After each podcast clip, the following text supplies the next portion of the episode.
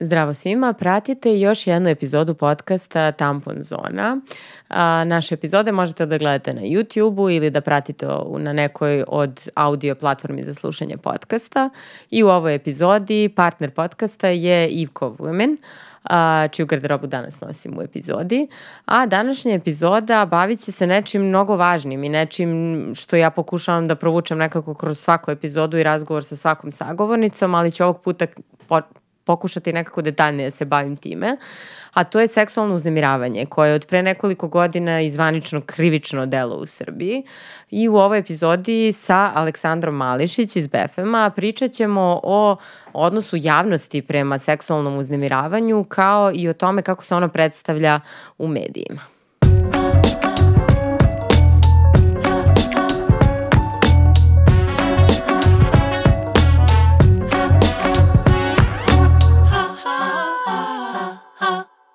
Aleksandra, dobrodošla u Tampon zonu. Drago mi je da si tu danas i da ćemo ispred kamere i ispred mikrofona da prokomentarišemo neke stvari, a ne samo usput kad se vidimo. Hvala tebi što si me pozvala u ovaj već, uh, ja mislim, kultni podcast ženski, tako da zadovoljstvo je biti ovde. O, hvala ti. Uh, pričale smo obe kako smo nekako čim se desi bilo šta, ono, vezano za ženska prava, da nas pripoznaju kao neke stanice i uh, mesta kojima se obraćaju i pričaju nam sve i svašta i mislim da je super da ti i ja danas sednemo i da pređemo neke stvari koje se dešavaju danas, kojima svedečimo, u stvari ne danas, pričat ćemo o nekom dužem vremenskom periodu koji je iza nas, koji se tiče progovaranja o seksualnom uznemiravanju i nasilju i svega što ga prati. Uh, I ja sam u najavi rekla da bih voljela da se pozabavimo time kako javnost reaguje na sve to. Mislim, jesu institucije važna jedna stanica koja zaslužuje ne samo jednu epizodu, nego verujem čitav godišnji serijal, ako ne i više epizoda o, to, o njihovoj ulozi i tome šta mogu da promene i da urade. Ali ovih dana svedočimo nekim komentarima, osudama javnosti koje stvarno postaju onako meni dosta, više ne znam kako se nosim s njima ni kako sama da reagujem i tako dalje. Ali super mi je da napravimo uvod u tebe zapravo i u celu priču sa jednom izložbom koju si ti radila sa Jelenom Jaćimović i koja je vezana za ovu temu. Uh, meni je jako krivo što je ta izložba trajala svega sedam dana i bila je na Kalemegdanu, je li tako? E, tako je, tako je. Zove se Hej, ispravile smo vam ovo. I možda da nas, eto, za sve koji nisu videli, verujem da dosta ljudi nije imalo priliku da vide izložbu, da nam opiš, mislim, trebalo bi nek, da ta izložba bude onako stalna postavka svima u kući, ali dobro nije. Pa jeste, da, meni se sad kao kad sam čitala ove komentare na, na Rambo Amadeus situaciju, onda mi se naravno opet javila e, ideja zapravo kako bi neke nove forme te izložbe i ona je planirana da bude 10 dana, mislim na, na Kalemegdanu prošle godine baš u ovo vreme, ali zahvaljujući jednoj divnoj ženi ona je trajala malo duže, mm -hmm. znači bila je mislim možda na kraju mesec dana, mm -hmm. ovaj, izašla nam je u susret, tako da je pozdravljamo e, pa super, prilikom. na kraju ipak da. Da, da, da, trajalo je, trajalo je. I ta izložba, dakle to smo Jačko i ja uradile, mi smo a, prosto skinule sa a, internet komentare koje su ljudi ostavljali ispod vesti a, o seksualnom zlostavljanju žena. I to jeste neka tema koju ja pratim od 2018. godine, zapravo od slučaja Racković, pa onda Jutka i tako dalje. I onda sam ja skupljala te komentare i nekako sam stalno razmišljala što da uradim sa time i onda smo mi prošle godine uh, to se odnosilo, mislim, na 2021. Mm -hmm. Tad smo mhm. imali, dakle, najveći broj možda progovaranja o seksualnom nasilju. To je počelo je dakle sa e, glumicama koje su govorile o zlostavljanju u školi glume, ali se onda nastavilo, dakle bilo je i petnica i Arhitektonski fakultet u jednom trenutku. Jeste, jeste, baš onako. I hashtag nisam prijavila, tako? Nisam prijavila, onda su na, i u Bosni ovaj, isto se bio nekako, taj nisam tražila, ja mislim mm -hmm. da je mhm. njihov pokret bio, nekako se to baš raširilo i bilo je glasno i bilo je mnogo izveštaja u medijima uh, o seksualnom zlostavljanju žena.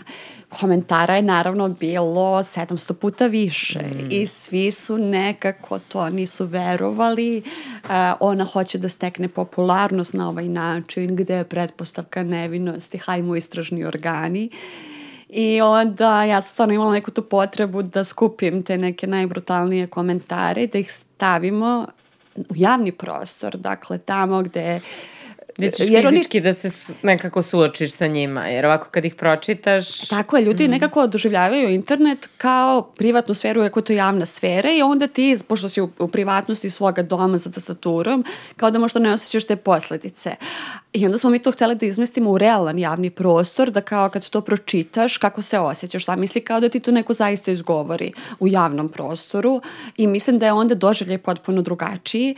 Uh, I čini mi se da smo nešto kao uspele malo da, kao, kao ok, kratko je to trajalo, to je bilo jako, mm, ne znam, svedeno, mm. ali ipak mislim da je, da je bilo reakcija, da su ljudi zaustavljali i nam je drago, dakle, ja će mi meni ako je neko uspeo da se zapita kao ok, šta ja proizvodim ovakvim komentarom. Naša ideja jeste bila mm, Dakle, ono što se pojavljivalo u komentarima je zašto nije prijavila, zašto nije prijavila nekoj policiji, nekom tužilaštvu. Tako su bili ti najčešći? Pretpostavljam da je bilo to. Zašto nije prijavila, da. šta je čekala? To, i... se najviše, uh, to se najviše nekako pojavljivalo i onda sam smatrala da kao, m, to je jedan od odgovora, jesu ti komentari, zato što ako ti niko ne veruje, uh, ti nećeš onda prijaviti. Ako ti svi šalju te poruke koje su vrlo bezhrabrujuće, koje su ponižavajuće, retraumatizujuće, ako niko negira tvoje iskustvo, a, ako smatra da lažeš i slično, ti onda nećeš da prijaviš. I zaista cena prijavljivanja je ogromna i zbog toga većina žena zapravo ne prijavljuje. I sad kao ponovo u slučaju dakle producentkinje koja je prijavila uh, Ramba Amadeusa, uh, Dakle, svi su opet komentari i ona hoće stekne popularnost, ali čekaj, dakle, niko njoj nije rekao, hej, bravo carice, evo ti unapređenje, nego su se svi ostravili na nju, dakle, da laže, da je promiskuitetna i tako dalje. Dakle, to nije laka cena. Mm. A, prolaziti, dakle, kroz jedno to blato, tu javnu osudu. Mislim da stvarno niko ne želi to samovoljno. Pa niko mislim, ne želi. Niko ne bi odabrao stvarno taj put da postane poznat. Mislim da apsolutno, da. apsolutno. I ti te protiv ne možeš da skineš više sa sebe nikad. E, niko ne želi da bude zapamćen kao žrtva. A bojim se da smo mi nekako takvo društvo da nekako lepimo tu etiketu da ti jednom kad to priznaš kao uh, da ti ljudi nastavljaju da te gledaju kao žrtvu nečega. Ti si naravno mnogo više uh, nego žrtva nekakvog uh, nasilja u jednom trenutku života. To uopšte nije prijatno. To niko ne bi radio iz zabave, dosade, jer voli da laže. Dakle, zato što je cena je preskupa. Čak i na kraju da dobiješ neku popularnost, a ne dobiješ je realno, mm. dakle to ne postoji, to je činjenično proveljivo, cena koju plaćaš je ogromna. Dakle, taj pritisak na mentalno zdravlje, kada ti čitaš te komentare koji su protiv tebe, ako ti znaš da to nije istina, to svejedno ostavlja posledice. Uh, Tako da nekako bih zaista, to je naša ideja bila, prosto se mi kao publika zamislimo. Naravno, mediji imaju svoju ulogu, vlast ima svoju ulogu, neki dakle razni akteri u našem društvu, ali mi smo hteli da se vidimo kao ajde malo da se suočimo sa odgovornošću koju svi mi imamo, mm. kao ti komentatori, kao javnost, jer mi ipak mislimo da javnost i jeste i može da bude saveznik. Dakle, u onom trenutku kada ne rade institucije, mi treba, trebalo bi, možemo da se obratimo javnosti koja onda nekako izvrši uh, pritisak. Da. Um, često, znaš, neki ljudi koje čak i nerviraju ti komentari, znaš, beže i kao nisu ih videli i pravi se da oni ne postoje, ali oni su tu i uznemirujući su i naročito za Evo ja sad i sa ovim podcastom imam taj trenutak da stvarno brišem sve što je i ole uznemiravajuće, zato što ne želim da žene kojima ja dajem neki sigurni prostor čitaju tako mhm. nešto. A bilo je, naročito kad, su, kad je bila gošća Milana Radulović, naravno, iako je prošlo kao par godina ili jedna godina, sad više i ne znam, ove godine su mi od kad je kao izašla sa svojim svede, da, a, sa, sa ovim svedočenjem, to se i dalje nastavlja, znači nju i mhm. dalje a, ovaj, taj talas ono, toksičnih komentara, o, okrivljavanja i dalje traje i meni je to stvarno neverovatno. Um, sa druge strane, ovaj, uh, ono što sam primetila u slučaju Ramba Madeusa i um, Kašić, tako, Lela, Lela Kašić, ova, jeste da uh, gomila ljudi je bila u fazonu čekaj da vidimo šta se tu stvarno desilo.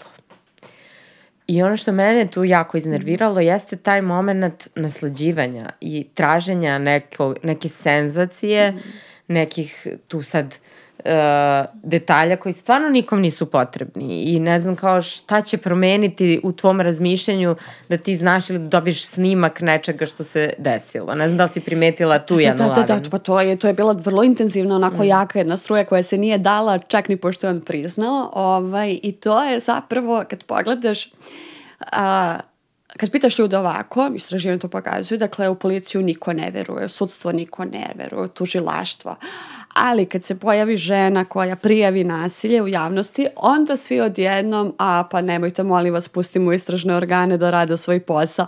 I onda kao to jeste kad s logičke strane gledaš, to je nespojivo, to jedno isključuje drugo. Ali mm, mi znamo i da naš mozak može dakle, da prilagođava zaključke sobstvenim premisama i onda ti vidiš zapravo što stoji iza toga, to je zaista jedan čist seksizam i mizoginija. To je da ti nećeš verovati ženi, znači prosto nećeš jer ne želiš uopšte da to bude problem i da to seksualno zlostavljanje bude zabranjeno. I zato je meni pređena igrica ovde. Mhm. Inače vidim dosta sličnosti u odnosu sa uh, dakle Johnnym Rackovićem, to se desilo 4. marta 2018. za one koji se možda ne sećaju mhm. ovaj, kao ja. Uh, na, u izbornoj noći, dakle, da, da. ne dajemo Beograd, to su bili gradski izbori, dakle, na čekanju tih rezultata, proglašavanju rezultata se to desilo. I e, izveštavanje, dakle, je dosta slično kao i ovo sada. Dakle, ni tada, uh, ne dajemo Beograd, dakle, izašao sa nekim saopštenjem kome je stao sa svoje aktivistkinje, isto nije bilo detalja. Mm. Zato što su detalji nepotrebni. To nije u interesu javnosti i to mediji po, dakle, ne bi trebalo da objavljuju, dakle, po nekim svojim jel, uh, načelima izveštavanja. I to je sada uh, Lela takođe uradila vrlo pametno. Dakle, nema razloga za detaljima. Jasno je samo da se saopšti se nešto dogodilo. I tada i sada komentatori kažu aha, ali da mi vidimo tačno zašto. I tada i sada su bukvalno ljudi odgovarali na pitanja zašto vam je to važno. Mm. Oni kažu pa da bih mogao da procenim. I onda su ljudi relativizovali, pa sad kao, ako je ne znam, 3 sekunde ne važi, ako je 15 mm. dana važi, ako je, ne znam, bilo štipkanje ili pljeskanje, to nije strašno, ako je, ne znam, bilo penetracija, možda, znači, na kraju kao, jedino ako je raskomadana i zakopana mm. u šumi, možda se važi, kao, i onda ti vidiš taj stepen, koliko su ljudi zapravo, zapravo njima prihvatljivo sve, jer kao ako ti već svako ima sad neko svoje merilo. Ali na kraju dana, i to je najbolji komentar, um, to je ono nešto novo što nam je mhm. doneo slučaj Rambo u odnosu na Rackovića. Racković je naravno lagao. To je ono što Rambo kaže, ja sam mogu da se foliram ako hoću. Mm -hmm. Ali ne, ja sam šmeker pa ću da priznam. A, da, Racković je išao da. po novinama i lagao je i pritom je u svakoj, svaki izjava mu je bila drugačija. Mm -hmm. I to, na primjer, nikome nije bilo sumnjivo. Nije bilo sumnjivo raznim novinarima i medijima, mnogi su se tu obrukali, ali kao to nije bilo sumnjivo internet komentatorima, što on priča različite izjave, Mm -hmm. A kao, a, a ona ti je sumnjiva. A ona ti je sumnjiva, neka izađe i neka kaže. I sad kao super mi je dva dana dok se Rambo nije javio, svi gde je druga strana, pretpostavka nevinosti, ona laže, sad hoće sve to Rambo dođe i prizna. I to kao bez ikakvog ono osjećaja, da, griže, sa onim naslovom, onako, da. Znaš, kao, izvinit ću ti se, ali kao, samo kao nekoj glupači koja treba da se leči, sad on ponavlja sve uvrede i tako dalje, on misle da je iznad situacije, ali uh, uh, teško da jeste. I uglavnom, bilo su mi super, kao, bilo su oni duhoviti komentara, komentara i jedan je bio u zonu kao, a ja sam mislila da pravilo 3 sekunde važi samo kad ispane hrana na pod, kao, ali kao, evo važi kod Ramboja i za seksualno uznemiravanje. I i sada ću ja malo još, sam se zapričala, ali ne, super, ne, super su mi, odlično. Ne. super su mi bili ovaj moji Facebook prijatelji, kao ne, jedan moj prijatelj izbacio mi, kao um, iz ofisa, ono kao, vidite li razliku između ove dve fotografije i sad kao jedna je Jutka, druga je Rambo i I sad kao ispod komentari kao pa ne postoji razlika kao ovo je trajalo kao samo par sekundi nije to moglo nju da retraumatizuje a kao ovaj je ipak maltretirao Mariju Lukić i mnoge druge žene koje zapravo mm. možda ćemo imati vremena malo i da kao to mm. pomenemo nisu stigle do suda ali kao mm. zato što je zastarelo i tako dalje tužilaštvo je odbacilo A kao to je trajalo. I onda kao, mhm, ako duže traje, onda je uznemiravanje. Ako kraće traje, pravilo 3 sekunde. Ako je, ne znam, kao šljepkanje, pipkanje i tako dalje, to je u stvari udvaranje. I jedan mi je bio super komentar, ja se izvinjavam sada što ću pogledam u telefon, ali kaže, ovaj... Kaže, u vreme Rambove mladosti bilo je legitimno slobodnije pipkanje žena. To sam zapravo i htela da te pitam. Dosta ljudi koristi taj moment uh, da su to određene generacije I jesu, mislim, gde je to stvarno bilo normalizovano. Nažalost je tako.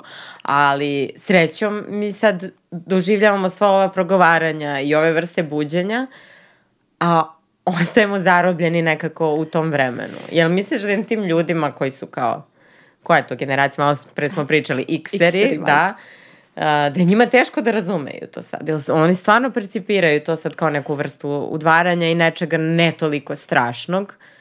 Ili šta je problem? Koliko je tu ta sad generacijska neka komponenta prisutna? Pa, znaš šta, ja mislim da Rambo nam je stvarno učini uslugu ovakvim jednim saopštenjem. Mm. Sigurno da bi uh, bilo bolje da se izvinio uh, prema ženi, jel, ženi kojoj je načinio štetu, ali sa druge strane on je zaista uh, nesvesno nekako dao svoju argumentaciju koju mi uporno ponavljamo i sad je došla iz njegovih usta i se niko nije snašao od njegovih fanova. Ovaj, ali on kaže da on odlično zapravo razume šta je uradio. On kaže to nije bilo seksualno, nego kaže to je seksistički s namerom da je ponizi. Mm. I to tako je i definisano polno uznemiravanje u našem krivičnom zakoniku. Dakle, to je dakle, verbalno, neverbalno, fizičko uh, dodirivanje, ponašanje uh, u sferi, dakle, polnosti sa ciljem da se neko ponizi. Mm. Tako da on odlično razume šta radi i on kad opisuje sve to kao ja sam bio frustriran, pa sam hteo da, da joj se kao, znaš, da izbacim svoj frust. Znači ja sam hteo nju da ponizim na taj način i uvek nam je ono šta ja mislim da treba da gledamo, kao da li bi na taj način svoj frust uh, iskazuje da je muškarac bio u pitanju, kao da li bi, njega pljasnuo kao pod upretu. Pa verovatno baš i ne bi. Uh, i, I onda kao to nam je uvek, uh, uvek nek, neki re, reper može da bude mm. i da se vratimo opet na Facebook mimove, mm. ovaj, stranica Man Who Has It All i muškarac otac kralj. Znači, šta oni rade? Oni sve ono što se što, što je dakle u stalnom govoru prema ženama, samo okrenu prema muškarcima. Da, stereotipne sve prikaze žena stave sa nekim muškar, na fotografiji ono muškaraca kao s reklame za pastu za zube i stavlja, da, da, da, da, kao ta piše kao, nemam problem da me ljudi zovu kao učiteljica, jer ja znam da se to podjednako odnosi na muški i na ženski pol, kao i sad kao Marko 68. Da. Kao ti onda, to, to je spektakularno, zato što te to toliko izmesti mm -hmm. kako ti mozak funkcioniše i ti vidiš da je to smešno. Ti ne možeš da zamisliš muškarca koji kaže nije mi problem da me zove učiteljica. E, tako da ja mislim da onda kad imamo ovakve situacije, a, a imali smo na primjer i kad je Miloš Jovanović poslanik, mm -hmm. a, kad mu je novinarka u, u, u Skupštini posla, postavila pitanje koje je u njegovom domenu, dakle, koje treba da odgovori kao političar. To što ona ne ume da odgovori adekvatno na takvo pitanje i sad se on tu zbunio, iznervirao i onda, dakle, je upredio seksistički kao da li bi to isto pitao da je, da je muškarac novinar uh, mm. postavio isto pitanje, pa ne bi, ne bi pitao muškarca s koliko bi ti žena spavao. Mislim, nije ekvivalent. Mm. I onda kao mislim da uvek možemo na taj način da proverimo. Da test, instant da testiramo Tako i da nešto, ako nam nešto nije, Tako nije jasno. Mada meni stvarno nije jasno kako da toliko failuješ na nekom bazičnom, od svih odgovora da ti izabereš baš taj, mislim. Pa znaš šta, ja mislim da je to inercija, ta mm. po kojoj su oni, to je ono što si me malo pre zapravo mm. pitala, ja, uh, ja mislim da njima jasno šta rade, mm. ali oni su nekako prosto komotno im je u toj poziciji i njima je mnogo lakše da umesto da odgovori kao poslanik i političar na pitanje koje se tiče njegovog poslaničkog uh, i političkog rada u Skupštini, njima je mnogo lakše, mislim da kao seksistički uvredi novinar koji mm. kao oh, prosto to je kao da oni imaju pravo, da je mhm. njima žensko telo dostupno sa razne stvari. Da, to i jeste jedna neku vrsta autoriteta na pa njima. Pa tako je, oni imaju autoritet, njima se može, oni imaju pravo i mislim da je teško zapravo da se oni odreknu toga. Mm. On, kao što je Rambo objasnio, on je tačno objasnio šta je sve pogrešno tu. Ali nekako ne bi želeli oni baš da se odreknu toga. to, to više i onda po inerciji, ono, kad vidiš žensko, reaguješ na taj način, da. mislim, da. ono... Ja sam čitala malo, baš kao gledala sam i globalno, koliko su ta izvinjenja za seksualno uznemiravanje ikad bila uspešna i ono što treba da budu i vrlo je mali procenat muškaraca koji su to uradili na pravi način. Uglavnom se zakopaju još više i ono autuju svoje stavove još više. Uh, našla sam samo podatak i super je taj tekst na Voxu sam ga ja mislim našla i nisam uopšte znala da je taj čovek, to je producent Ricky Mortija ja mislim, koga je koleginica neka u kojoj on bio zaljubljen, ali nije baš znao ta osjećanja da iskomunicira na pravi način. I onda ju je maltretirao, mislim, psihički. I nakon čega je ona ustala, ono, rekla mu sve što misli, čak i u medije izašla, gde je on prvo dao sebi vremena da sve to isprocesuira i napisao jedan traktat koji je fenomenalan, gde on stvarno se posvetio tome da stvarno nije razumeo šta je u tom trenutku radio i kako je tumačio svoje osjećanja, kako je to iznosio. I to je stvarno jedan onako školski primjer koji bi trebalo ono da, tako da eto, ako ne znate kako da se izvinite, da, ali da, naišla sam, evo sad ću i ja da uzem telefon, da pročitam jednu, uh, videla sam da meni u nekoj od prošlih emisija bila Ana Perović, psihološkinja, i ona tumači stalno neke svakodnevne stvari e, sa nekim svojim viđanjima. I kako ona sad napisala, kaže da po svemu sudeći on ne osjeća krivicu i zato se neće zapravo izviniti.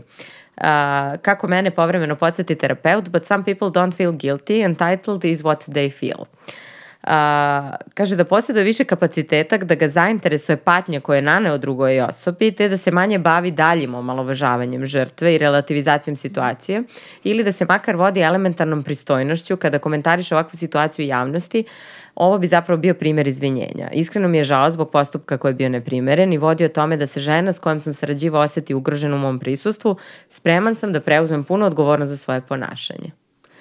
Nije nešto što mnogo puta čujemo, ali vrlo jednostavno zvuči, stvarno, ono, može se nauči na pamet kao ono, na kraju lekova, znaš, za reklamu, ono, stvarno nije ja, ništa to je mnogo sad, ali izgleda da je nego da napišeš ono saopštenje koje naravno, mislim, kako ti kažem, a, ja sam branio svoj integritet, tako što sam ne, kao... Mm.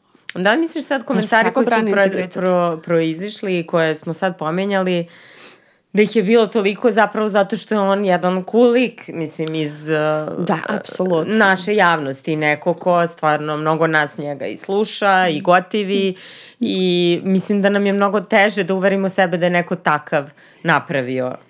Nešto što će nas razočarati. Tako je, tako je, to je naš konstantni problem a, i, i ti imaš to u tim krugovima, i to je isto bilo za Rackovića, ista je priča mm. bila, dakle, a, je, baš iz tih kao krugova a, koji vole da se predstavljaju kao, ne znam, emancipovani i progresivni, ti vidiš da kod njih to ne radi, ako je u pitanju njihov ortak, idol, mm. Racković, Rambo i slično. Ako je Jutka, lako ćemo osuditi. I onda, ne kažem da su drugog tabora bolje, nego mm. hoću ti kažem da kao njima je, uh, to je zapravo instrumentalizovanje ženskog problema i ženskog vrlo bitnog političkog pitanja i ženske traume.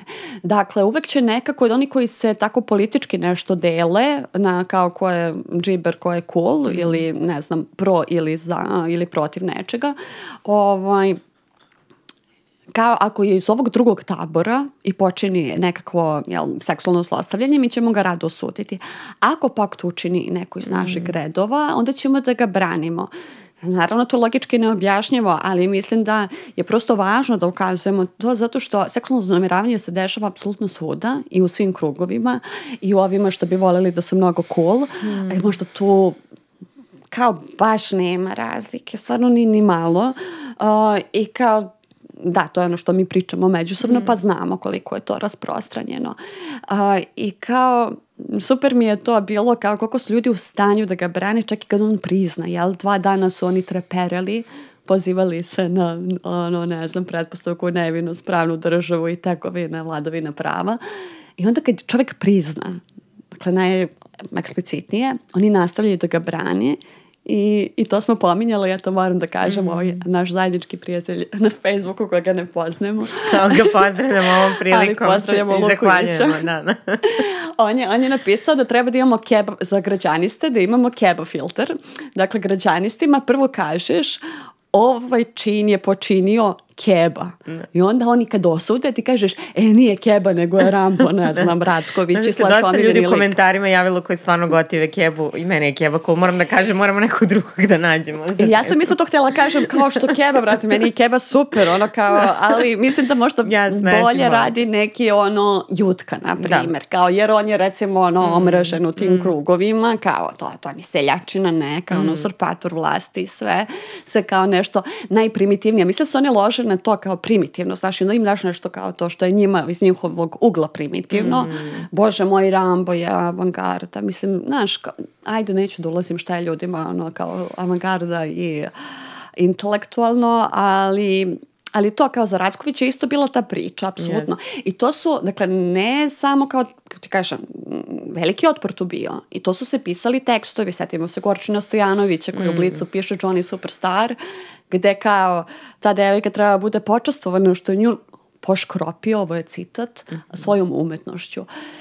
Ali onda su se u komentarima, i to je meni bila ona zaista velika pobeda, zato što u komentarima su se javile žene koje su pričale, pa on to radi od 90. godina, što njih, mm. znaš, kao javne su se javile, kao da meni tu radio na sred kneza, i meni su svi rekli da sam ja primitivna seljanka, a da je on cool, urban ne i tako nekako umet. subversivan. Kao da. pa ničeg nema subversivnog u tome, kao zaista mm. to je tako mainstream mm. da zlostavlja ženu, ono. Ali kao način interpretacije su zaista dosta kreativni. Mm ne boje granica. Logički se naravno, to je polupanost jedna, ti ne možeš ono kao kako da ti odgovoriš na to logički nekakvim argumentom, ali kao jasno ti onda šta se krije sa toga, to je mi branimo tu vrednost, branimo naše pravo, da kao nije žena kao na dohvat ruke i da, neću verovati žene, mislim, ono, Čak i da. kad mi, mi sam kao počinilac da. prizna. Spomenula si Jovanu Gligorijević, tako da eto ko sluša samo da pozovemo da pročitaju njen tekst koje je mm. pisala za vreme na ovu temu i takođe jedan od tekstova koji je meni bio sjajan jeste ovaj od Ane Mano, Manojlović sa RTS-a i gde je vrlo jedan onako ilustrativan naslov koji kaže uh, da Rambo je imao izbor da uradi ima, mogo je da uradi ovo ili ne, a Leila nije, mislim, imala izbora i to je vrlo, to je poenta, ja mislim, isto apsolutno, svega. Da. Apsolutno, znaš šta se tu još potkrada kao neki podtekst i zaključak? On sam sebe lišava pa nekakve odgovornosti, poslovne sposobnosti da kažem, jer ti uh, kao da te vodi neka sila, ti kao da ne umeš sam da odlučiš. Znači ti si pod broj jedan uh, unapred znao šta snimaš, ti ideš da snimaš, ti pristaješ na to. Dakle, ti imaš i moći da kažeš, pa čak i tu na sred, ako si tekst, tad si se opalila meni lampica. Meni se ovo ne sviđa, Meni se ovo ne sviđa, da. okrenuš se i odeš. Mislim, kakva ti je to kao, kako možeš da nas ubediš bilo koga, da kao to što ti se ne sviđa emisija, ćeš ti da zapravo uh, rešiš uh, seksualnim zlostavljanjem producentkinje još bolje, naravno još bolje, kao on, Robin Hood, zaštitnik siromašnih, on će sada da kao, nije to dobro eksploatatorski. Mislim, kao, znaš, ono kao samo malo pogledaj što radi Rambo Amadeus, mislim, kao ti kažeš mi, to je tako licemerno, njegu, njemu ništa nije sveto, znaš, i on sad zapravo eksploatiše tu siromašnu porodicu, jer koristeći njihovu situaciju sebe predstavlja kao nekog mega cara Robin Hooda, koji mm. neće da učestvuju u toj eksploataciji, upravo na taj način ih eksploatišući. Tako da, ona ne znam, mislim samo pročitajte pažljivo da. to sve što je on je napisao, svi odgovori su tu, kao da, stvarno. Da. Baš nam je pomogao.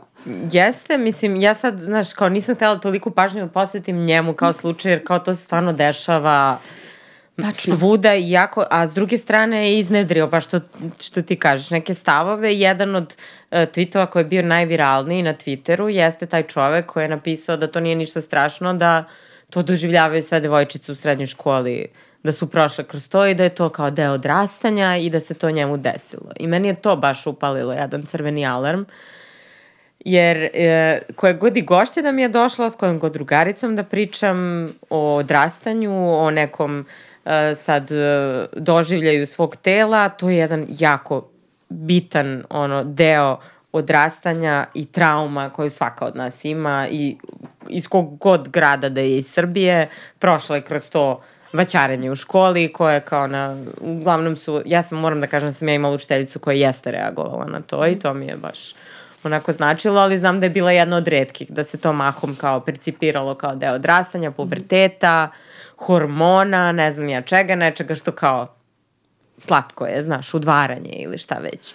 I tu, opet tu krećemo od toga da se udvaranje i uznemiravanje kreću da se mešaju jedno sa drugim. Da, da, što da. mislim da može da bude jako opasno u tom uzrastu kad ti razviješ neke prve emotivne veze.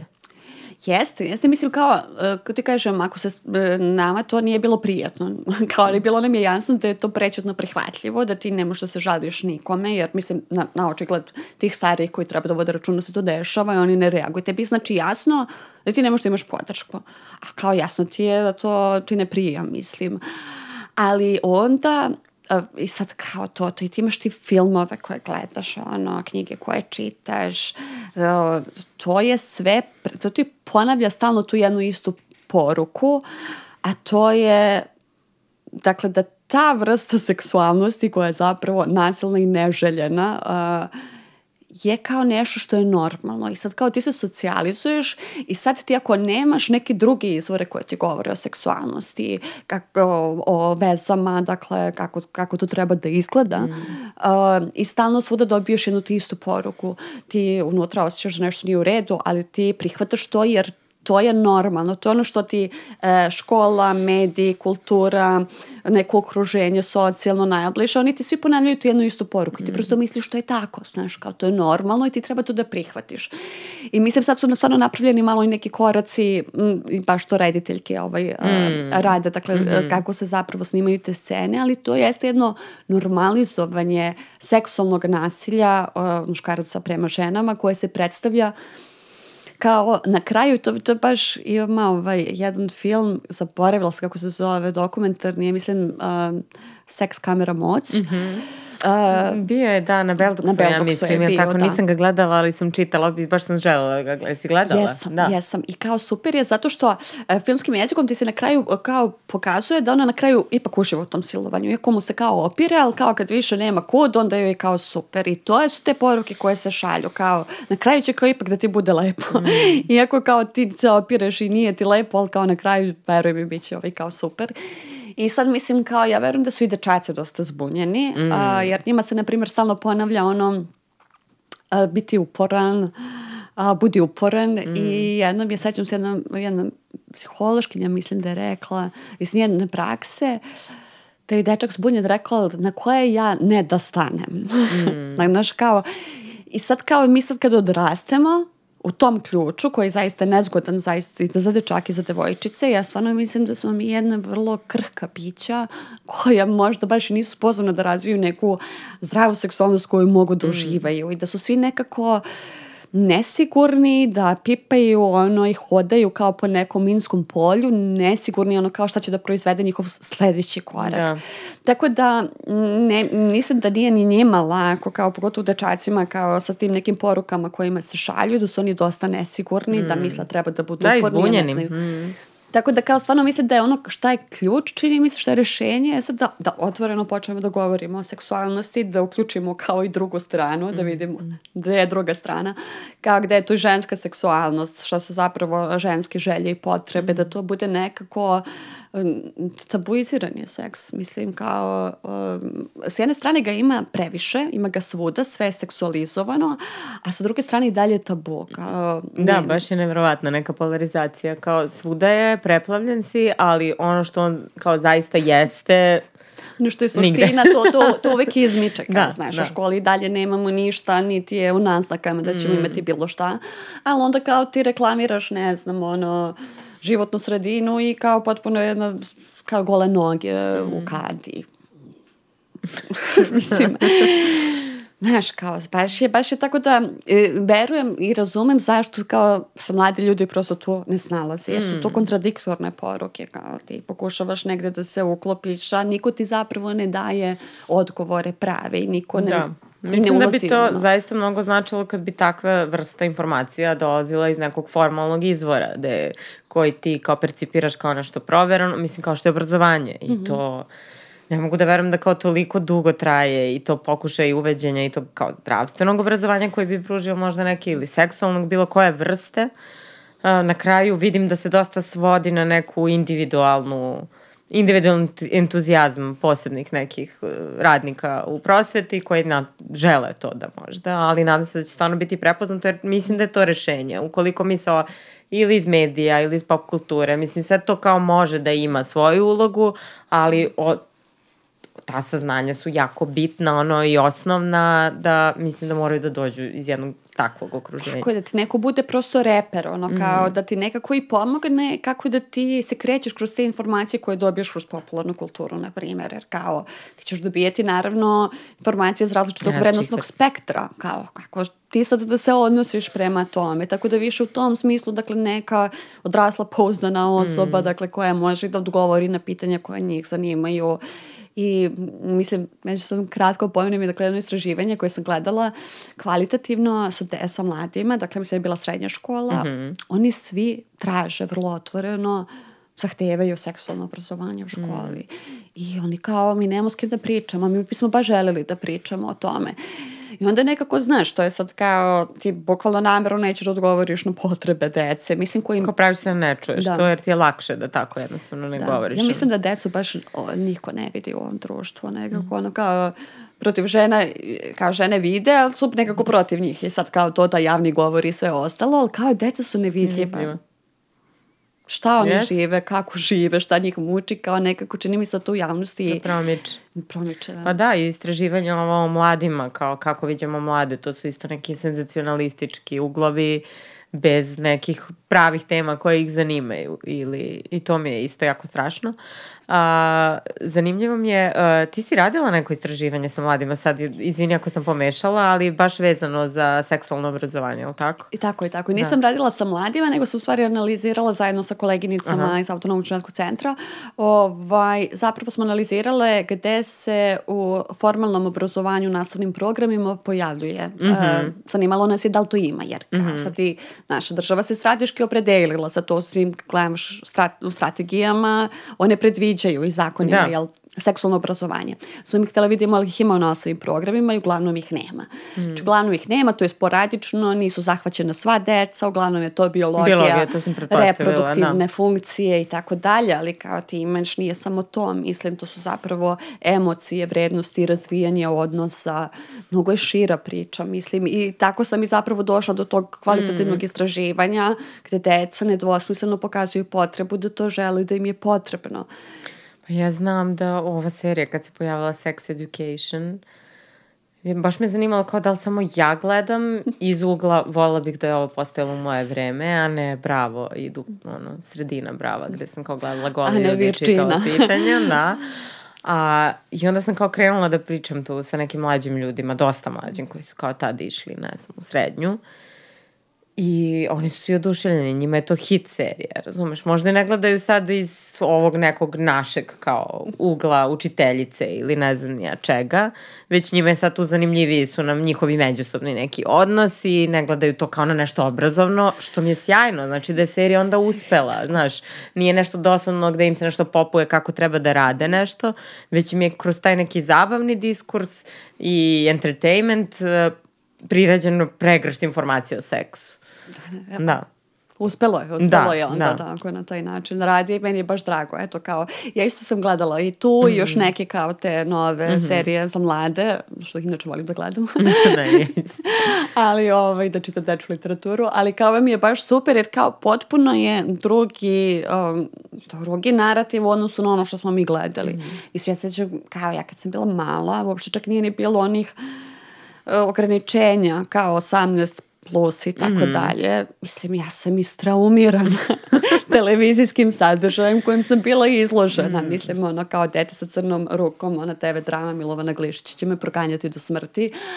Ali kao i stvarno su bili eksplicitni ti filmovi puni nasilja, puni seksualnog nasilja. Mm. Nije, nije to baš bilo prijetno. A pritom, kao ne, nemaš nekog da ti onda to nekako objasni. objasni. Mm. Da gleda s tobom i da kao, da, da, da. I ove su sad kao potpuno drugačije. Sve nekako nežno, sve otvoreni su. To sam primetila u tim serijama su ljudi otvoreni, kao, mm. znaš, o emocijama govore. Moje iskustvo nekako i cele te moje generacije jeste da kao kad dođe do emocija nije baš lako da se priča o tome. Da se to prezupči, pa da. Um, tako da, eto, to mi je baš onako neka pozitivna promena i baš volim da gledam te serije. Da, da, ja se nadam da će i nešto i na domaćem, eto, nebu nešto da se pojavi slično. Mislim da bi to baš bilo korisno. Uh, ja sam jednom prilikom pričala sa ženom iz Estonije koja je, tamo je snimana neka serija gde uopšte nije komunicirano, zapravo je bio neki projekat nevladne organizacije i isto se bavio seksualnim obrazovanjem, slično kao sex education, nešto, gde su ti likovi postali ono zvezde pop kulture, ne znam, gomilu pratioca su dobili na, imali su kao likovi serije svoje profile na društvenim mrežama, gde su se kao obraćali a, mladima. Uh, I to je eksplodiralo nešto, a preedukativna serija i postala je baš ono deo pop kulture potpuno. I mislim da je tako nešto isto baš dobra stvar, da. Pa da, oko nas je, se uglavnom ne snima više program sa decom mm. i za mlade. Mislim da je to potpuno nekako isto, mislim, kako ti kažem, ono, sa celom ovom 20-godišnjom, 30-godišnjom promenom svega. Uh, stvarno nekako, jer to nije, nije komercijalno, ne donosi novac. Ja mislim, sad kao ljudi će bolje znati to ko prati, ali mislim da se zapravo jako malo ovaj, filmova ili nekakvog mm. tog medijskog satašaja sa decu danas proizvodi. Jeste, jeste. Meni je bilo drago sad ovo jutro, o, jutro, nije jutro, nego e, Raša Andrić. A, a leto kad leto kad sam naučila letim, može, da. Tako mi je bilo slatko što je pun bio bioskop deca kad sam to, mislim, tinejdžera, kao koji su ono zviždali kad se ljube dvoje i ne znam nija šta, ono, to je, i, to je stvarno posle ono ne znam kolike pauze da se napravi jedan takav film koji je kao i meni zanimljiv i ne znam, kao moja kevi, ali deca su vrištalo, ono, njima je kao ova baba bila presmešna. Čekali su svojih pet da, minuta. Da, da, ali vidiš da su ženi stvarno i da baš ono uživaju. Jesu, pa i to, to njih zanima, kao, znaš, njih stvarno u tim godinama zanima muvanje, seks, poljupci mm. i tako dalje, kao, možeš ti to da im ne daš kao sadržaj, ali će njih svejedno to da zanima mm. i tražit će, mm. onda će verovatno nađe na nekom pogrešnom mestu. Mm. I mislim, taj jedan dečak iz tog kvalitativnog istraživanja, koje sam ja očigledno očarana, on je rekao, A, mi bismo voljeli da ovome učimo u školi zato što mi gledamo pornografiju, ali tamo izgleda kao da se ti ljudi mrze. A mi bismo voljeli da vidimo kako, je to, kad, kako to izgleda kad nekog voliš. Mm kao ja sam u fazonu tako je. Mislim, treba mnogo rekao, slušamo pa da. decu i mladi zato što oni jako lepo razumeju sve i umeju da objasne. Tako da ako on kaže tamo izgleda kao da se mrze ti ljudi, kao može ovo drugo, jer mi smo ipak imamo lepo osjećanja Tako da, da, očigledno mi je to da, potrebno. Da vidiš da i oni to vide, čoveče. Da, da, da, da, da, da, super, ono mogu da ti objasne, samo kao, ajde da ih čuje neko. Mm. E sad, spomenula si taj kritički odnos prema uh, sadržaju koji konzumiramo, koliko je važan i ja sam isto zagovornica toga da kao ne možemo stvarno zabranimo sve što postoji, ne može sve da bude korisno i edukativno i super i kvalitetno, mislim, nemoguće je. Nego da je mnogo bitno da izgradimo tu kritičku svest od nekog najranijeg doba.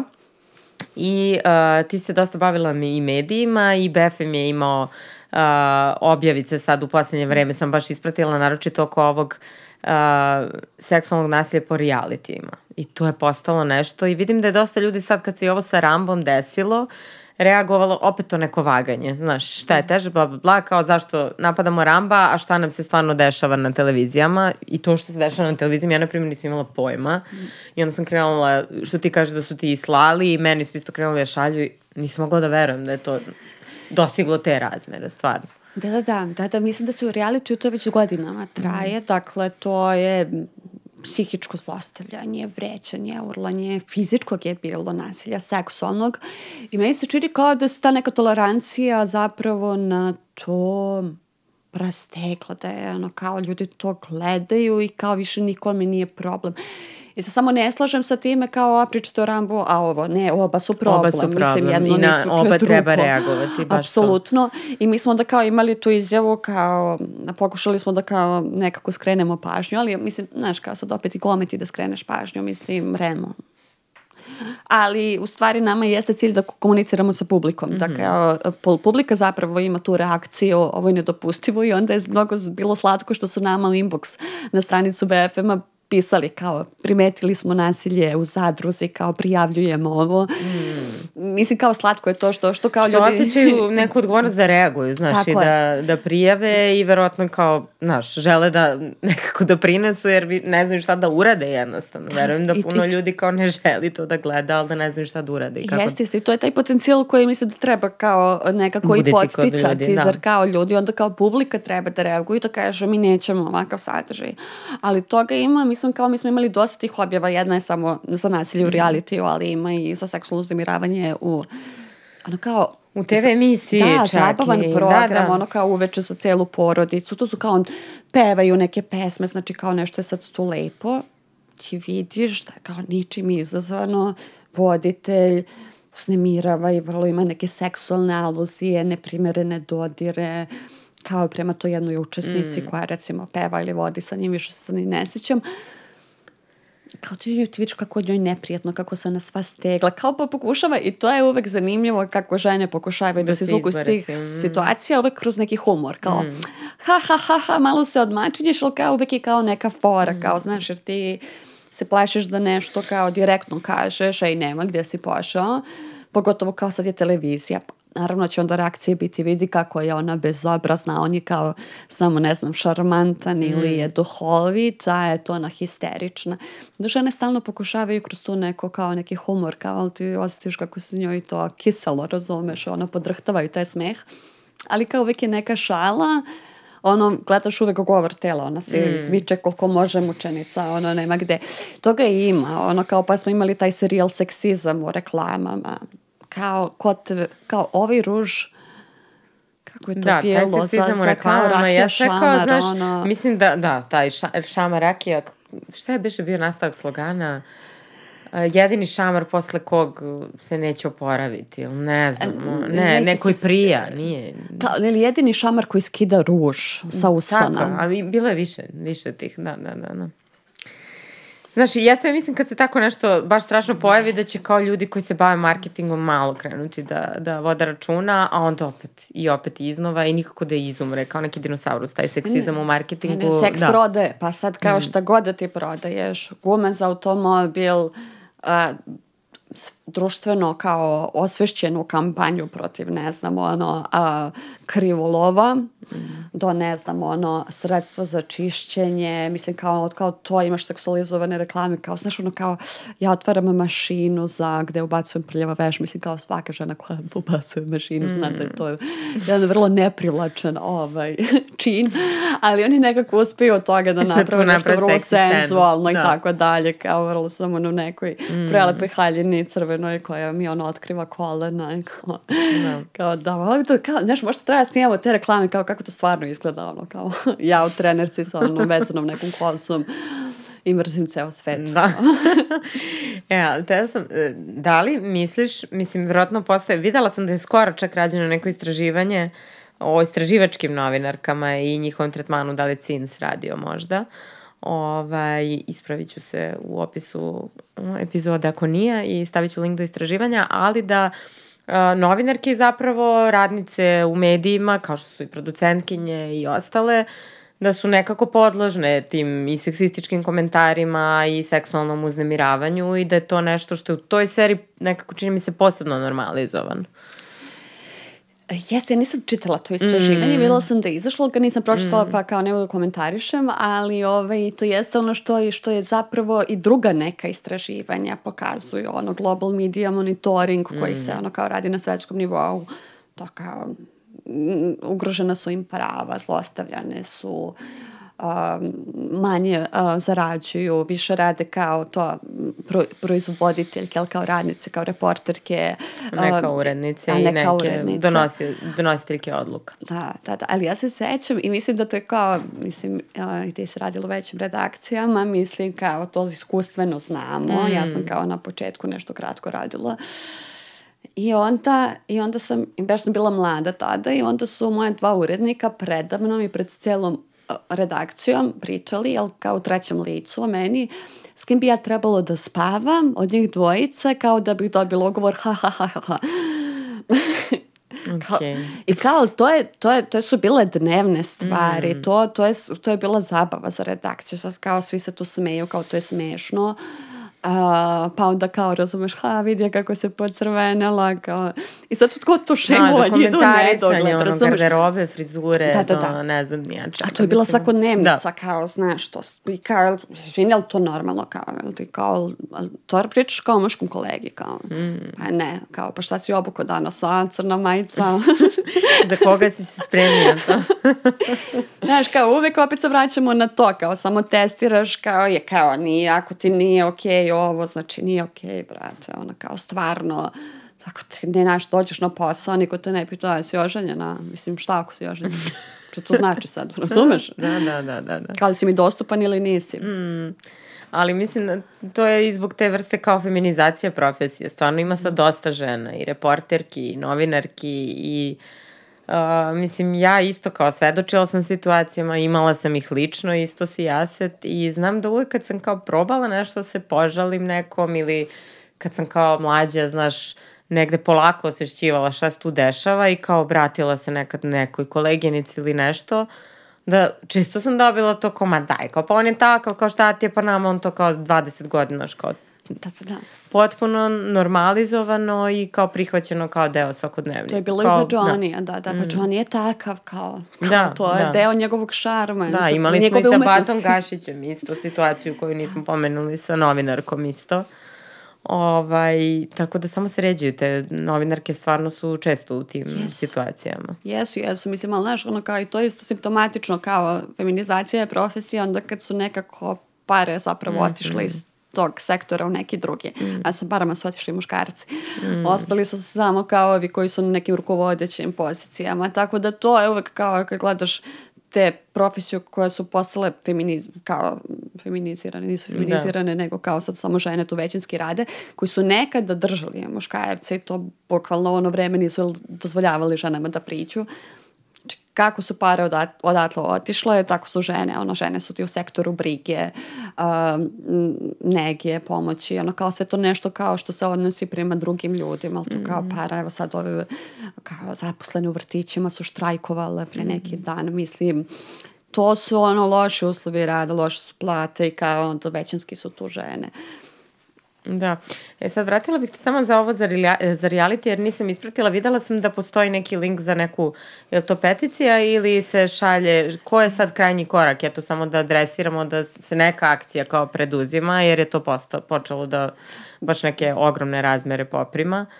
I nešto što stvarno ne bi smelo da se dešava na televiziji, mislim kao što ne bi smelo ni da imamo intervju sa silovateljem u novinama i mnogo drugih stvari, ali nešto se, nije peticija, I, nego šta ima, se... Pa to je, to je autonomni ženski centar mm -hmm. je to mhm. inicirao, u stvari dali su samo linkove uh, na na REM, mm -hmm. na adrese, dakle na REM i tužilaštva, tako mm da svako od nas može kada Umesto vidi... Umesto BFM-u na inbox.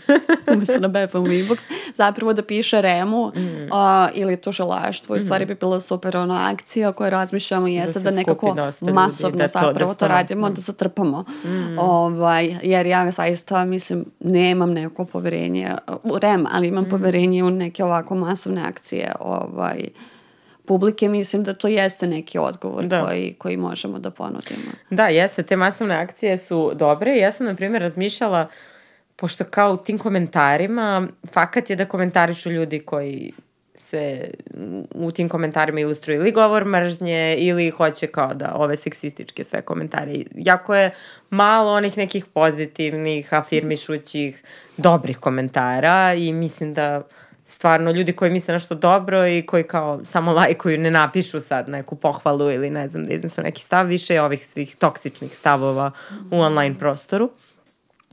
Ja sam razmišljala da li treba rekrutovati neku online armiju komentatora sa naše strane i uputiti na određene mm. uh, stanice. To sam, na primjer, to mi je palo na pamet kad je bilo ovo sve sa ovim Andrew Tateom, koji ne znam da li je na kraju zatvoru, nadam se da jeste. Uh, ali on je ono eksplodirao na TikToku. TikTok ga nije sankcionisao, nikomu nije ništa radio, iako je širio ne samo kao štetne stavove, nego je otvoreno pričao da je silovao žene, da je ne znam šta sve radio. I ispod njegovog videa ti vidiš jednu podržavajuću armiju mladih muškaraca koji su jedva dočekali da se tako neka figura pojavi, da ih ohrabri u njihovim nekim nesigurnostima i frustracijama. I onda sam ja razmišljala kao, bože, možda treba da oformimo neku stvarno online i kao kako se desi neka, neka takva strana, da odeš i ne, ne znam sad da li treba da, da objašnjavaš svima kao ili da držiš neke lekcije, negde ni ne vredi, moraš da kreneš od samog početka pa kao treba ti malo više prostora od jednog komentara, ali tako neka slična akcija. To je super akcija, ja mislim da treba mm. razmišljati o tome, ali kao um, i to jeste radila jedna grupa mm -hmm. Kada je bio slučaj dakle sa Rackovićem, mm -hmm. prosto jedna grupa ljudi je s čistog entuzijazma mm. uporno i uporno svakodnevno mm. odgovarala na te komentare i to je kao stvarno svaka im čas za to.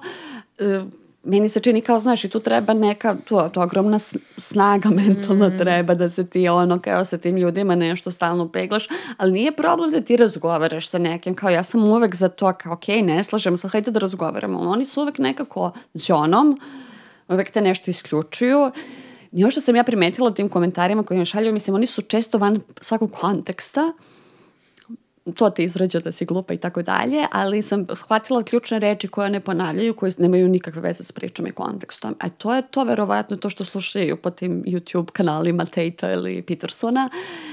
Kao neke čudne reči koje nemaju tu nikakvo, ono, sad, sad stvarno zaboravila sam mm. to izvlačila, jer kao, ne, ne znam o čemu ti pričaš, to, to je jedna, to je, nije koherentna misla, to je, to je bukvalno bujica reči.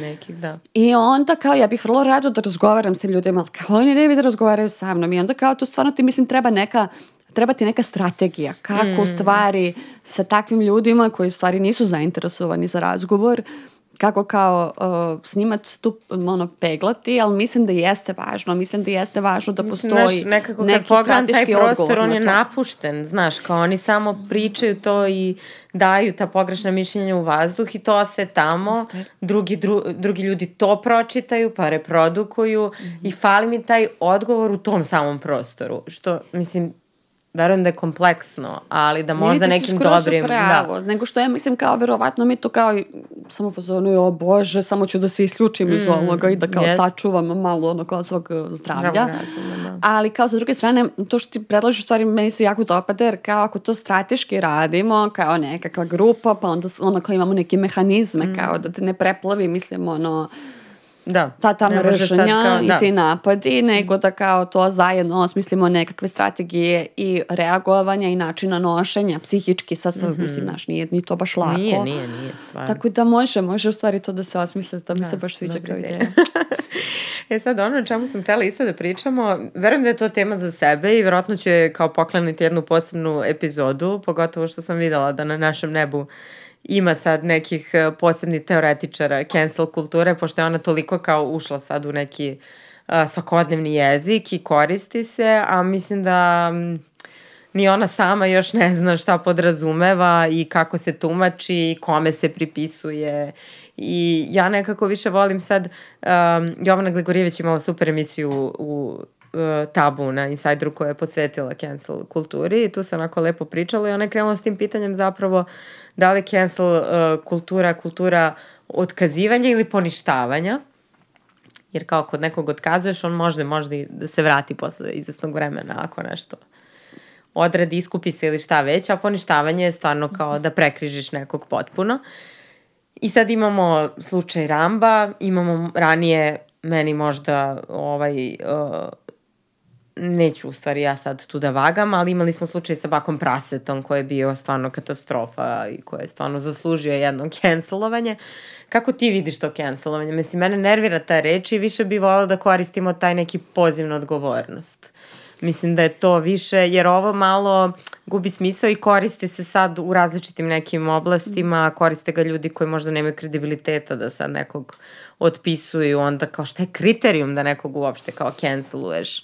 Mnogo je tu nekih sad tu problema i mislim da smo onako tu reč prihvatili bez da znamo šta ona tačno sve podrazumeva, tako da ja bi nekako više volala da imamo tu kulturu pozivanja na odgovornost kada su ovakvi slučajevi u pitanju. I potpuno se slažem s tobom i da. podržam da, da, da kao imaš drugu emisiju zato što ja kao mm. iskreno uopšte se nisam da. time bavila i kao ne znam što ali se time ti, dešava. Ali sad ti, na primjer, evo, ovo se ali... desilo s Rambom Deusom, da li misliš da on sad treba da ne znam, kupi kuću na vrh planine i kad se više nigde ne pojavi ili kako sad to tumačiš? Pa ne, ne kao, znaš kako, cancelovanje u stvari nije uopšte kako, logički prosto rad, pos, posmatram to mm. kao, to nije nov fenomen, mm. kao strakizovanje, odbacivanje, etiketiranje, nije ništa novo. Mm. Znači, ne moramo ići u onu antiku, to je deo naše svakodnevnice ovde veoma. Kao što mi imamo tu tendenciju da kao uhvatimo neki, neku pojavu, neki fenomen koji je recimo aktualan u Americi, a to samo pokazuje zapravo da naša publika prati američki sadržaj. Mm. I zato često te njihove reči Vidimo ne rezonuju sa kontekstom, jer kao on to sluša na YouTube-u 5 sati, onda dođe, razumeš i pričate mm. nešto, ne razumeš šta on priča. I ovaj, nekako mi se čini da je to. Ali sad kao toga uvek ima, kao zajednica te uvek odbacuje kad ne poštoješ pravila. I to imaš svuda, mislim, ono kao od uvek. Uh, e sada, šta, šta je ono što se meni čini da je razlika, jeste vrednosti. Dakle, kada zbog čega nekoga ono, isključuješ i na koji način i gde su to odnosi moći. E, meni se čini da mi zapravo u našoj svakodnevnici, mi sigurno poznajemo neke ljude koji su cancelovani, odnosno odbačeni, možda poništeni, ali koji su zapravo e, na toj nekoj nemoćnoj poziciji. Mm. Znači, sigurno smo ako ne poznajemo nekoga iz javnosti, iz medija smo mogli da čujemo da neka radnica u fabrici koja je, ne znam, direktor ili neki menadžer, znači neko ko je na znatno više pozicije od nje, da nekako ucenjuje, da on je zahteva, dakle, nekakve prisilne seksualne odnose, radnje ili kako već, a ako ona ne pristane na to, ona ne samo da će dobiti otkaz, nego zapravo ako je mala sredina, realno neće se zaposliti nigde. Ako je on, čak i ne mora bude manja sredina, ako je veoma uticajan u nekoj većoj sredini ili u nekom polju, dakle, to je automatski cancelovanje i kao, to se dešava ovde ali to se dešava nekim nemoćnim mm -hmm. zapravo osobama, uz, ne znam, ako si, ne znam, uzbunjivač, uh, u nekakvoj uh, instituciji, pa m, može da se desi jel, da budeš potpuno cancelovan, poništen, pa onda kao znaš ljudi oko tebe koji su ne znam s tobom radili, koji su ti bili prijatelji, odjednom izbegavaju da, da nekako rade mm. s tobom, da se vide s tobom, jer kao možda će i oni snositi te posledice, etikete koju su tebi nametnuli. Da, da I onda ti onda zapravo najčešće više ne možeš ni da radiš, što su ti zapravo neka osnovna e, prava, da ne pričam koje to sve posledice mm. ostavlja kad te neko tako izopšti. Ali mm, ono što mi je zanimljivo, da se ovde naša publika posebno ti kao neki, da kažem, siromašni, obespravljeni muškarci se mnogo nasekiraju kada je recimo cancelovan tamo neki, lupiću sada Weinstein. Mm. Kao, joj, nepravda nepravda, Weinstein je cancelovan. Stvarno ima ljudi koji njega brane. A? Pa, pa mislim da da, ne, zašto? Ljudi, ljudi tvrde, iako je uh, osuđen, mm. mislim, na te pa ono preko 20 godina, nešto ti dalje, ja sam videla baš preključe, mislim, komentar, mm. kao, e, jer to je to sa tih YouTube kanala, kao, one su slagale, ni jedan dokaz nije pronađen, ono pronađeno dokaza, mislim čovjek ono osuđen i to ne. Ono, da. I sad hoću ti kažem, opet mi to odnos moći. Mm. Kao ti se sad, ti si obespravljen. Ti kao bukvalno nemaš nikakvu moć. Ti se užasno nasekira, čoveče pokida se zbog nekog tamo moćnika koji zlopotrebljava svoju poziciju moći. Da li će on da bude cancelovan ili ne? U realnosti niko od njih zapravo nije cancelovan. Mm. Mislim, kao, izvini, ali Lečić, enoga igra, publika mu aplaudira. Ja ne znam ni jednog koji je suštinski cancelovan. Jutka je bio pravosnažno osuđen na tri meseca, ako se ne varam. Mm -hmm. Uh, oni, niko od njih ne trpi nikakve posledice, mm. zaista. Znači, ako se mi znam, znači, niko od tih ljudi ne trpi posledice te vrste. A ono što se zapravo dešava, da neke uh, neki ljudi koji su na, na nižim pozicijama moći, dakle to ako ti kao negde, jel si radnica ili radnik, ili si, ne znam, recimo uzbunjivač, šta mi sad pada na pamet. Mislim, to je baš dobar primjer zapravo. Znaš, ti ljudi zaista jesu cancelovani i to, a to nikoga kao ne interesuje, mm. kao što se ne sekirate malo oko toga, što niste u fazonu vidi cancel kultura, ono. I onda mi je sve to nekako zaista mm. uh, izmiče uh, logici, ali mm. zato kažem, opet hajde da se vratimo na odnose moći, da vidimo zaista ko je sa odnosima moći cancelovan, a ko, ko nema moć. Znači uvek mislim da je važno gledamo ko ima tu odnose moći. Drugo je, mislim, čini mi se nekad, mada mi više stvarno nemamo konsensus oko nekakvih vrednosti kojih se mi kao zajednica držimo i to je ono što proizvodi čitavu ovu zbunjenost, jer cancelovanje je u stvari jedna metoda koja nikome nije strana. Ali recimo posle drugog svetskog rata je bilo podrazumevajuće, znači postoji neki dogovor, na primjer, da ćemo cancelovati, odnosno da nećemo davati prostor nacistima da zagovaraju progon i ubistvo. Mm. I kao to nam je bilo okej. Okay. Ali kao, znaš, ako ti staviš nekoga da bude ambasador nečega, uh, neke dobre volje, on, on po defaultu on mora da ima nekakve vrednosti. Jeste, znači ti da. ne izađeš na ulicu i uhvatiš random neku osobu i kao ti sad budi ambasador. Znači ta osoba treba zapravo da kroz svoje ponašanje promoviše određene vrednosti. Tako, ako ti shvatiš da ta osoba to ne radi, mislim, verovatno ta osoba nije adekvatna mm. za tu poziciju, mm. mislim, i ne znam što je to toliko čudno, kao ja ako ne bih ispunjavala obaveza, ono, iz radnog ugovora, mislim, dobila bih otkaz, ono, Pogotovo mislim, znaš, ono kao, pozicija moći podrazumeva odgovornost i to je ono što nam svima izmiče. Znači ti ako imaš moć, to za sobom nosi neku odgovornost. To ne znači da ti možeš da se bahatiš i da ono kao maltretiraš ljude oko sebe, nego naprotiv, ono kao sad će zvučati arhaično, kao stvarno da imaš neku vrlinu, ono kao da, da pokažeš zapravo, da, da, da, da iskoristiš tu moć, da zaštitiš i da je podeliš sa onima koji je nemaju. Kao, da je sve nekako izvitopereno i stvarno ono što mi je žalosno, što je logički opet ne, neuhvatljivo, nepomirljivo, da oni koji su zaista stvarno obespravljeni, se užasno bore za moć nekih drugih ljudi, ono. Mm.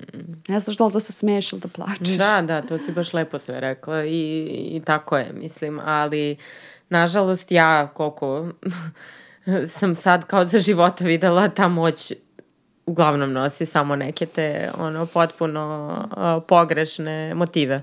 Mm. Stvarno redko sam naišla na osobu koja je na nekom poziciji moći da je Mislim, dešava se, ali... Pa meni se čini da je to samo odraz nepostojanja nekakvih vrednosti mm. oko kojih smo mi saglasni, nego nekako sve može. Sve može. I, i onda, naravno, u takvoj jednoj zbunjenosti, nekoj rasprčanosti, gde ono prevladale su nekakve druge vrednosti i to je vrednost, mislim, kako da ti kažem. I to da ti misliš, samo je kao pitanje šta ćemo se mi kao zajednica dogovoriti, šta je nama prihvatljivo ili nije. Čini mi se da su možda mnogo više postoji... rekla si zajednica, a mislim da te persone jednostavno samo razmišljaju kao neki stubovi i da je mnogo važno da to, da percipiraš nešto drugo u odnosu na sebe, a da dosta ostaje zaglavljena u tom jednom pojedincu koja je na toj moći. Jeste, jeste, da, da, to ostaje to sebična mm. pozicija zapravo, ono, gledaj samo da šta možeš da prigrabiš sa sebe i to je nekako postao poželjni uh, model, kao, znaš, kao ti si uspešan ako ono gaziš preko drugih. Pa mi mislim, znaš, za ne, to možda i ne mora da bude primer mm. uspešno i nije, ali kao sad, čini mi se da prosto su neke vrednosti preovladale koje, koje, koje ja ne delim. Dakle, ja se nalazim nekim suprotnim pozicijama, ali ja mislim da je to isto promenljivo, znaš, mm. da kao mi možemo da se izborimo i da kažemo, aj čekajte, ovo nisu vrednosti za nas, mislimo da su vrednosti mnogo bolje i nekako odustali smo uopšte da pričamo o vrednostima i to jeste jedan problem mm. veliki, jer onda, onda kao kad sve može, onda ne može ništa i o sve je pakao. Da, ali ne znaš ka čemu se krećeš dalje. Važno da. je, važno je mislim da razni akteri, politički akteri se vrate na vrednosti, mislim, jer kao onda ja ne znam koja je razlika između vas mislim kao meritokratija, šta kao da čujemo struku, mislim nije to uvek poželjno da čujemo. Uh, jer opet se vraćamo to ti kao možda budeš na primer tehnički stručan, ali ako ti nemaš nekakva načela, nekakav moralni kodeks, mm, Moral, da, moral. ovaj, hvala ti puno Aleksandra i za kraj, evo, uh, pratila si sva isto kao i ja, sa, sav ovaj citirat ću Srb, Biljanu Srbljanović po ne znam koji put, tsunami progovaranja žena koji se stvarno de, dešava ono unazad već Ne znam kada je Marija Lukić, ima pet godina, ja mislim sad već. To je, da. mislim, krenulo u martu, 8. marta 2018. 18. da, i ja mislim. Znači, eto, već pet godina svedočimo i nekako sve češće. Bilo je pre kao jednom godišnje, sad se nekako dešava sve mm. učestalije i uh, mislim da je samo važno za kraj recimo da pošaljemo poruku tim ženama da uh, verujem da vagaju, znaš, kad hoće da pregovore, kad vide koju to prašinu sa sobom nosi, koju, koje skandal do koje mere ono može da izbije zbog toga i da dosta žena se tu vaga, ali nekako da im pošaljemo tu pozitivnu poruku da ipak treba progovoriti na kraju. Pa sa što je, ja kao ne, ne mogu to da uradim. Da, jer je glupo. jer da, ne kao, možeš da ih e, nateraš da... Pa ne, nego nešto drugo bih im rekla. Mm. Kao, ja, ja znam koliko je to strašno kad progovoriš, sa čime ti moraš da se suočavaš. I to ne prestaje sa dva dana. Uh, i, I kao, znaš, to treba nekako do kraja života nositi tu prepoznatljivost sa, to, sa sobom. To nije lako. Ja se zaista svim tim ženama iskreno divim. To je Zato što ogromna količina Ja snage. znam koja je cena toga. Mm. Mislim, kao baš je ono, nije lako, kao zato većina žena prosto istog razloga i ne radi, što razumem. Mm. Tako da ne bih a priori nekoga pozivala da govori, mm. jer znam koliko je to zahtevna mm. pozicija, ali nekako bih uvek, eto, kao predložila da prvo razmisle kao šta, šta, šta su nekako resursi na koje mogu da se oslane. Mm. Dakle, najbliži krug podrške. podrške.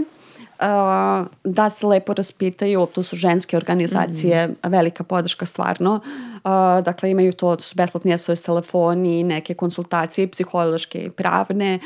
Da se prosto kod njih prvo raspitaju, mm. da naprave nekakav sigurnosni plan.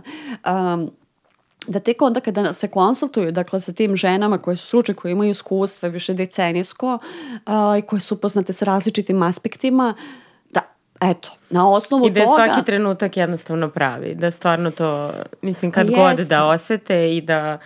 Uh, baš sam i sa tim psihološkinjama koju, koju sam i citirala pričala o tom osjećaju u stomaku koji često ne znamo da tumačimo i da rastumačimo, ali on je stvarno jako bitan. Taj osjećaj unutrašnji koji smo naučene često da cenzurišemo čitavog svog života, a na kraju ipak bude presudan, ja mislim. Jeste, jeste, ali kao da e, nekako to treba osnažiti mm. zapravo sebe da, da veruješ tome, jer to ono što smo i na početku rekla, ti osjećaš u stomaku da to nešto ne valja ali sad kao reagovati u skladu sa tim, jer se plašiš zajednici ili kako mm. će to mm. reagovati ljudi oko tebe, to je nešto što ono nekako treba da menjamo. Da li misliš da će se nastavi sad ovaj talas i da ipak svedočimo jednoj istorijskoj pojavi uh, progovaranja žena? Pa definitivno, da. Mislim, jer to je to koje bojašljivo krenulo od 2018. i onda je nekako krenulo 2021. se samo ovako otvorilo, nastavilo je 22. Ja mislim i to kao iz svih sfera su se javile žene. Mislim da je to samo prosto došao taj nekako sazreo je mhm. trenutak. Mm -hmm. uh, nekako su se poklopile različite jel, kockice. Mi imamo i neke zakonodavne promene, imamo to kao što se ipak priča o tome ono, zadnjih 30 godina. Tako da, što mi se čini sasreo trenutak i to je nekako krenulo, neće se zaustaviti, ja mislim. I mislim da je prosto nastavit će da vrši neku vrstu ono, pritiska na promenu takvog ponašanja. Da, nadam se da ćemo nešto i postići. Hvala ti puno na ovom razgovoru, svašta smo pokrile otišle smo van ovog scenarija koji sam ja zacrtala, ali super.